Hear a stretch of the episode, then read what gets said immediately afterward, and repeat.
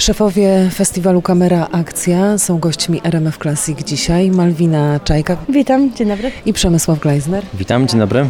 Podsumowań czas. Jesteście zadowoleni? Jakie wnioski wyciągacie?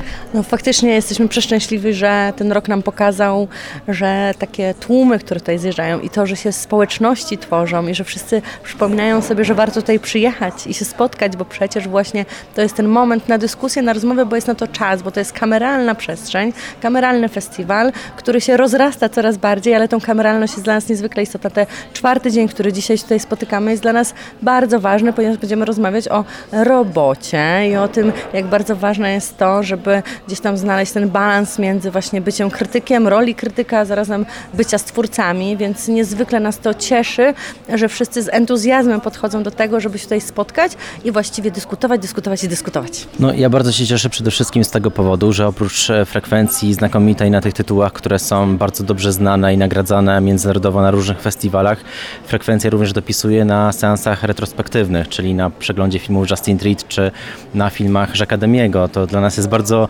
pozytywny punkt, że rzeczywiście te przeglądy mają swoich widzów i to coraz tłumniej rzeczywiście gromadzą publiczność.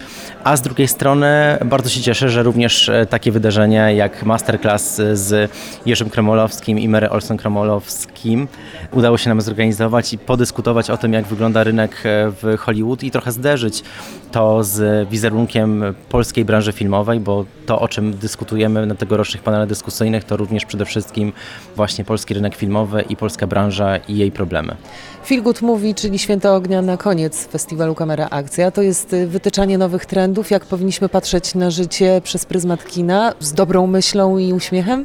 Nie mogło być inaczej. Faktycznie ta edycja 14 nam pokazała, że ten e, balans e, między filmami trudnymi, które zostają w nas bardzo mocno i po których nie mamy już siły pójść e, dalej do kina i na kolejne seanse jest niezwykle ważny i te Feel Good Movie to też jest taki kolejny ważny krok dla festiwalu i dla jego rozwoju, ponieważ trzeba pokazywać takie filmy, które nam dadzą ciepło na sercu, ale też pozwolą na to, żeby spojrzeć właśnie jakby szerzej też na to, jak bardzo różnorodne jest kino, że to nie tylko takie festiwalowe, artystyczne kino, które gdzieś tam rozwala nas od środka, ale też cudowne, ciepłe filmy, które dają jakość w kinie, ale zarazem pozwalają nam się uśmiechać.